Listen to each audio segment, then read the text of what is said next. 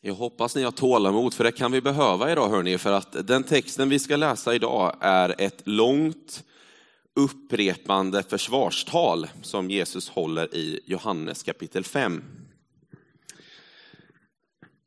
Ja, den reformerte teologen Steven Lawson går till och med så långt så att han säger att i den här texten så predikar Jesus Kristus för oss. Utan den här texten skulle jag säga att vi förlorar rätt mycket förståelse om vem Jesus faktiskt är. Och I den här texten så kommer vi läsa om en folkmassa som anklagar Jesus högljutt och ilsket över att han påstår sig jämställa sig med Gud.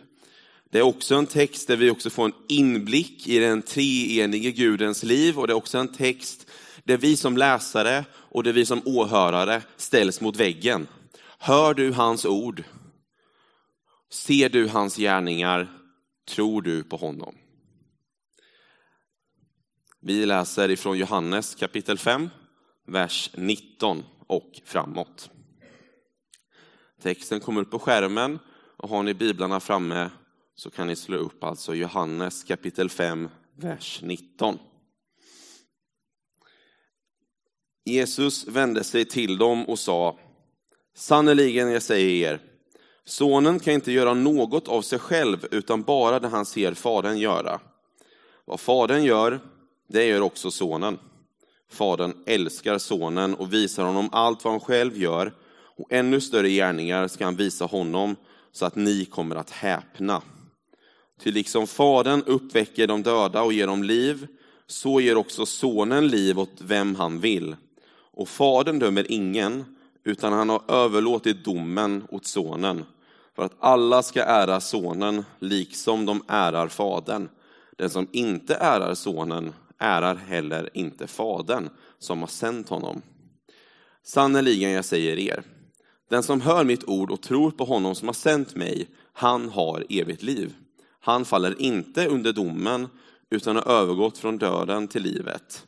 Sannerligen, jag säger er, den stund kommer, ja, den är redan här, då de döda ska höra Guds sons röst och de som hör den ska få liv. Ty liksom Fadern äger liv, så har han också låtit Sonen äga liv och han har gett honom makt att hålla dom eftersom han är Människosonen. Var inte förvånad över detta. Den stund kommer då alla som ligger i sina gravar ska höra hans röst och gå ut ur dem.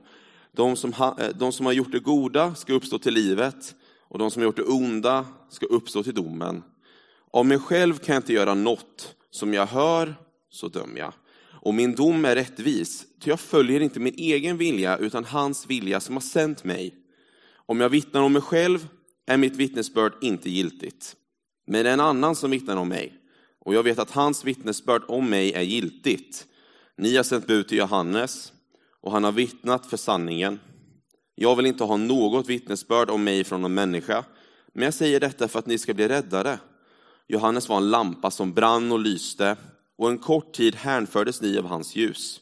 Men jag har fått ett starkare vittnesbörd än det Johannes gav, Ty de verk Fadern har gett mig i uppdrag att fullborda, just de som jag utför, vittnar om att Fadern har sänt mig. Och Fadern som har sänt mig har själv vittnat om mig. Men ni har aldrig, men ni har aldrig hört hans röst eller sett hans gestalt. Och ni har inte behållit hans ord eftersom att ni inte tror på honom som har sänt. Ni forskar i skrifterna därför att ni tror att de ger er evigt liv. Just de här, just dessa vittnar om mig. Men ni vill inte komma till mig för att få liv. Människors ära vill jag inte ha. Men jag har förstått att ni inte har någon kärlek till Gud. Jag har kommit i min faders namn och ni tar inte emot mig. Men kommer någon, men kommer någon i sitt eget namn så tar ni emot honom. Hur ska ni kunna tro, ni som vill bli ärade av varandra och inte söker äran hos den enda guden? Tro inte att jag ska anklaga er hos Fadern. Den som anklagar er är Mose, han som ni har satt ett hopp till. Om ni trodde på Mose skulle ni tro på mig, Ty det var om han, det var om mig han skrev. Men om ni inte tror på vad han har skrivit, hur ska ni då kunna tro på vad jag har sagt? Ja, jag satt, helt ärligt så satt jag lite som ett levande frågetecken när jag såg den här texten för första gången. Det är ett, upprepande tal. Men som vi kommer märka så är det väldigt skickligt utfört. Eh, och eh, varför det är upprepande är också för att han använder lite av en rabbinsk retorik, liksom, där han säger en sak men han liksom, det liksom blir parallell, parallellhänvisningar till varandra. Liksom, så att, ja, men, han säger likadant fast med andra ord, typ i lite omvänd ordning. Hur kommer det sig att Jesus är så trängd? Hur kommer det sig att han har hamnat i konflikt med den judiska eliten? Ja, men som många, under, många andra undervisningspass vi ser i Johannes evangeliet så föranleds de av ett mirakel som Jesus har gjort. I det här fallet, i kapitel 5, så var det en man som hade legat, eh, som troligen var funktionshindrad, oavsett inte hade möjlighet att röra på sig. Han låg intill en fårdamm som påstås kunna hela människor, han har gjort det i 38 år. Jesus möter den här mannen, frågar om han vill bli frisk och därefter så säger han de berömda orden, stig upp, ta din bädd och gå. Problemet är ju att den här, det här helandet sker på sabbaten. En dag där man inte ska göra något, eller inte får göra något, för man ska liksom ska på samma sätt som Gud vilade på den sjunde dagen i skapelseberättelsen ska nu Guds folk göra detsamma, typ. Så när han konfronteras av den redan irriterade religiösa eliten så försvarar Jesus sig med att hänvisa till Gud, Fadern. Som han säger i vers 16 i kapitel 5, i och för sig en vers vi inte läste, men som jag nämner ändå. Min fader verkar ännu i denna stund och därför verkar också jag. Den här konflikten växer, den eskalerar. Tidigare i Johannes kronologi så hade Jesus rensat templet i vrede. Och på tal om just sabbaten så, så säger Jesus i Markus kapitel 2 att han är herre över sabbaten. Nu fullföljer Jesus, Jesus sitt resonemang och säger att, att han rent av slutför det Gud fader redan har påbörjat. Vi kan börja ana en spänning i det här rummet. Den här stämningen på plats är aggressiv. Kanske en tidsfråga innan den blir konfrontativ egentligen. Då börjar Jesus sitt försvarstal med att gjuta olja på elden. Judarna anklagar honom nämligen för att han jämställer sig med Gud. Och det här är egentligen, det här, när jag, när jag verkligen fattade vad eh, bibelkommentarerna menade så blev jag lite smått glad inombords, både i hjärta och i huvud. För egentligen så är det ett felaktigt påstående. Inte den, och det är felaktigt påstående i den meningen att han, att han att det, det, alltså påståendet att han skulle jämföra sig med Gud, att han skulle göra något som han i själva verket inte redan var från första början. Här behöver vi påminna oss om romersk och grekisk mytologi som fanns under Jesus samtid. Där det fanns mängder av människor som blev gudasöner, som gjorde sig till gudasöner. När Johannes skrev evangeliet så växte det fram en romersk liksom, gudadyrkans kultur, liksom, där just kejsarna blev gudasöner, de blev Gud. Så därför förfinar Jesus judarnas påstående och menar att han och Fadern, den Gud som de tillber, är oskiljaktiga. Som Jesus själv säger, sonen kan inte göra något av sig själv utan bara det han ser Fadern göra. Vad Fadern gör, det gör också sonen. Jesus jämställer sig inte med Gud. Den Jesus är och det Jesus gör sker endast genom Fadern. Och den Fadern är och den, det Fadern gör sker endast genom Sonen som förklarar vem Fadern är. Lite som Johannes är inne på i Johannesprologen. Ingen har någonsin sett Gud. Den enda sonen, själv Gud, alltid nära Fadern, han har förklarat honom för oss. Med andra ord så agerar Jesus helt efter Gud, Faderns vilja. Och Fadern agerar helt enkelt endast genom Jesus. Jag tycker att eh, det finns en, en av mina favoritböcker, den är både fin på utsidan och fin på insidan. Eh, det är liksom det teologiska nätverket i Pingst skriver en bok, Trons hemlighet, som kom ut för tio år sedan ungefär. Och där står det så här om vårt bibelord idag. Jesus handlade alltid på Faderns initiativ. Allt han gjorde var ett uttryck för hans, för hans absoluta enhet med Fadern. Jag tycker det är klockrent. Och på samma sätt så bekräftar, på samma sätt som Jesus alltid handlade på Faderns initiativ och vilja, på samma sätt så bekräftar Fadern den här kärleksfulla enheten mellan honom och sonen genom att ge Jesus mandat att uppväcka döda, auktoritet att fatta slutgiltiga, rättvisa domslut. Han ger honom makten att ge evigt liv åt dem som tror på honom. Och han gör det med fullt förtroende över att Jesus utför Guds vilja. Jag inser när jag säger det här att det här låter ju otroligt teologiskt.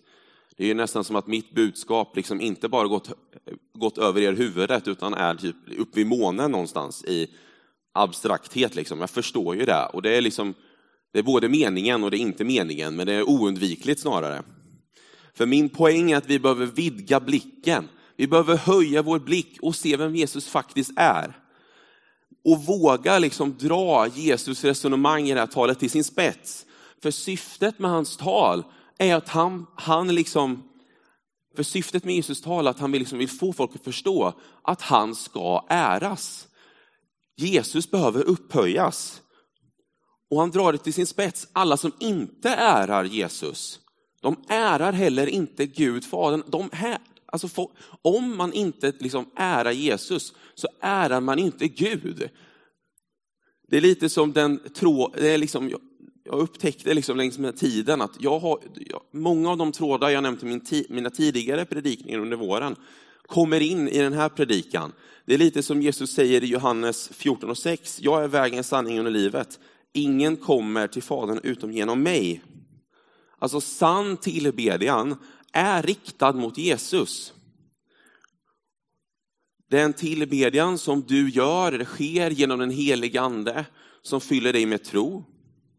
Och det är en tillbedjan som, som sker på Gud Faderns initiativ. Och han accepterar den tillbedjan och han älskar när du tillber på det sättet.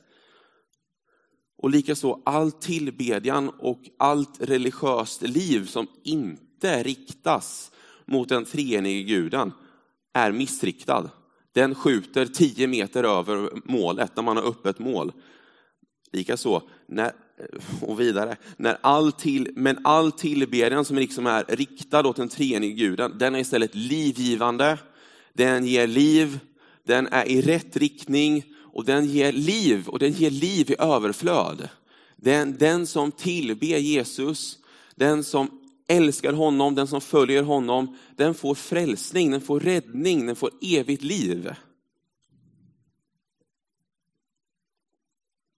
Så här långt har då Jesus försvarat sin person. Men det är inte tillräckligt. Jesus säger ju själv, om jag vittnar om mig själv är mitt vittnesbörd inte giltigt. Jag förväntar inte att ni kommer ihåg den här bibeltexten, jag bara påminner er lite vänligt. Nåväl, alltså varför han säger det här, han går i linje med Mose lag som säger att Två eller tre vittnen behövs för att bevisa att man är oskyldig. Det står då i femte Mosebok 19.5 om man vill titta upp det. Han går här i linje med Guds lag. Om det är som så Jesus säger, det har sagt innan, att den han är, att den han påstår sig säga om sig själv är sant, på vilka grunder ska man då, gå, gå, då tro på det? Han nämner två vittnen. För det första har vi Johannes döparen, som vi kan läsa om i början av Nya Testamentet. Han vittnade om att det skulle komma en Messias inom en snar framtid. Han vittnade för världen. Och Jesus själv säger att omgivningen hänfördes av honom och hans vittnesbörd var starkt. Men han är inte tillräcklig, säger Jesus. Vilket vittne tar vi då in om det första vittnet är bra men inte tillräckligt? Nu tar vi in det liksom, the real deal. Han hänvisar till Gud. I själva verket så vittnar Jesu gärningar om att han är sänd av Gud. Det måste varit ganska provocerande för de, den judiska eliten som står där, för de har då sett en man bli helad och nu påstår Jesus att han är sänd av Gud och att han är oskiljaktig ifrån Gud, att han liksom är Gud. Liksom. Eh, och hänvisar då till den man som han nyss har helat. Hörru, det där helandet, det där bevisar att Fadern har sänt mig. Jag kan nog tänka mig hur liksom deras, deras ansikten blir mer och mer röda av ilska och irritation. Alltså, hans resonemang om att mina gärningar liksom bevisar att jag är sänd av Gud, det går liksom i linje också med hur Johannes försöker argumentera för läsaren att Jesus är Guds Messias. Han nämner sju under i sitt evangelium. Och syftet med, med de här underna är liksom att de är tänkta att väcka tro hos oss som hör, hos oss som läser. Också många tecken som inte har tagits med i denna bok gjorde Jesus i sina lärjungarnas åsyn, men dessa upptecknats för att ni ska tro att Jesus är Messias, Guds son, och för att ni genom att tro ska ha liv i hans namn, står det i Johannes 20 och 31. Jag behöver bara komplettera Jesus resonemang än mer. För han menar ju då att, alltså, fad, att Gud, Fadern, har liksom försökt att vittnat om Jesus på flera olika sätt. Jesus säger att hans röst har proklamerat Messias ankomst.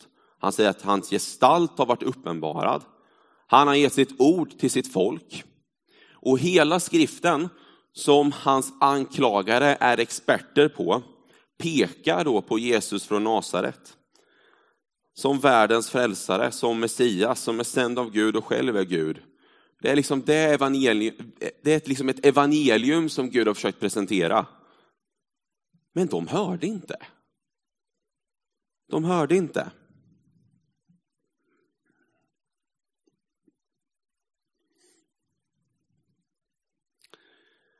Därför så är det här försvarstalet som jag försökte redogöra nu,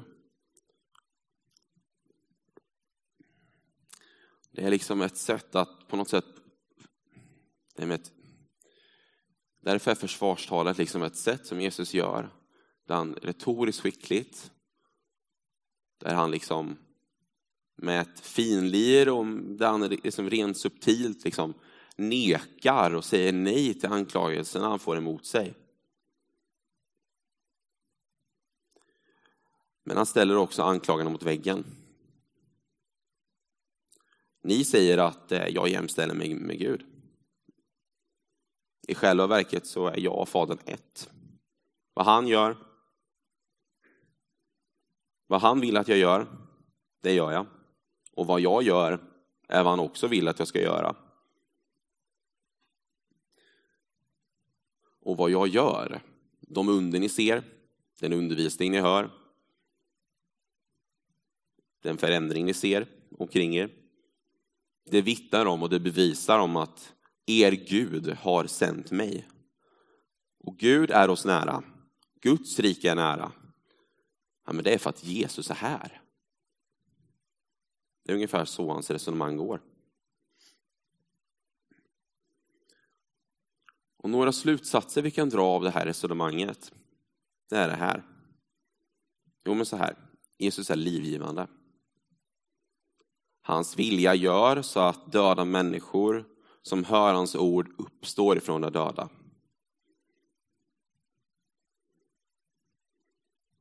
Lite som, Johan, eller lite som Jesus säger i Johannes 11.25, den som, den, som, den som tror på mig ska leva om man än dör. Och Jesus ger då liv åt vem man vill. Alla de som tror på hans namn och alla de som hör hans ord till oss. För det andra så är Jesus domaren. Och det är hans rättvisa och nådefulla ansikte alla människor kommer ställas inför. Jesus kommer ge rätt åt de som är rättlösa. Jesus är den som kommer förinta orättvisor. Hans fred kommer segra.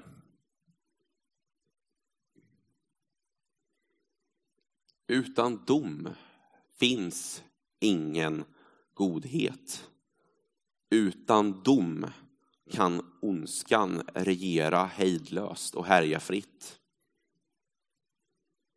Och tack och lov att Jesus är domare innebär att Jesus alltid har sista ordet.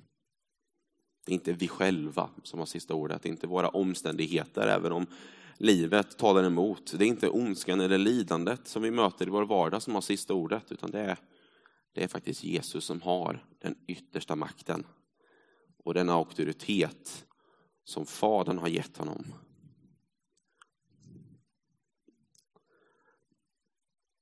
Och därför kokar allt ner, som jag försökte säga nu, till två frågor. Vem ärar vi med våra liv och i våra liv? Och en annan, och en annan liksom fråga är så här, hör du Jesu ord? Hör du evangeliet till dig? Hör du de livgivande orden som Jesus vill förmedla till dig och som du kan ta emot genom att tro på honom? För att ta det till vår tid då. Vad för typ av vittnesbörd, vad för typ av röster ropar högst i våra liv? Är det Guds ord? Eller något annat? Är det influencers och kommentarsfält? Är det världsläget och krigslarm i vår omvärld som talar högst i ditt liv? Är det nationalism eller etniska motsättningar? Är det parkeringsavgifter eller juridiska förhandlingsprocesser som på något sätt talar högst i ditt liv och som påverkar dig mest av allt? Och som, gör, och som verkligen påverkar hur du beter dig mot andra och liksom hur du agerar. För den röst som hörs mest i våra liv, tänker jag, sätter liksom tonen för hur vi lever. Den passningen tror jag att Jesus skickar med oss idag. Vilken röst hörs i våra liv? Och låt den här rösten vara en ton av handfast evangelium. Och jag önskar att, den, att vår längtan och att liksom våra liv och våra handlingar skulle spegla den Gud som sänder oss och som kallar på oss. Och min bön är på något sätt att våra liv skulle ära Gud. Och liksom att våra liv skulle liksom vara ett, ett jättetydligt vittnesbörd för våra kompisar, för våra grannar, för vår stad, för vår region, för vårt land. Jag önskar och jag ber om att våra liv skulle verkligen ära Gud. Och våra liv ärar Gud för att vi hör hans röst, vi hör hans evangelium till oss. Ett evangelium som är livgivande och som vill rätta våra liv i rätt riktning. Så därför ställer Jesus frågan till oss. Hör du honom? Hör du hans livgivande ord? Goda nyheter till dig och mig. Hör du hans ord som jag försökt på något sätt förmedla till dig idag? För jag tror så här.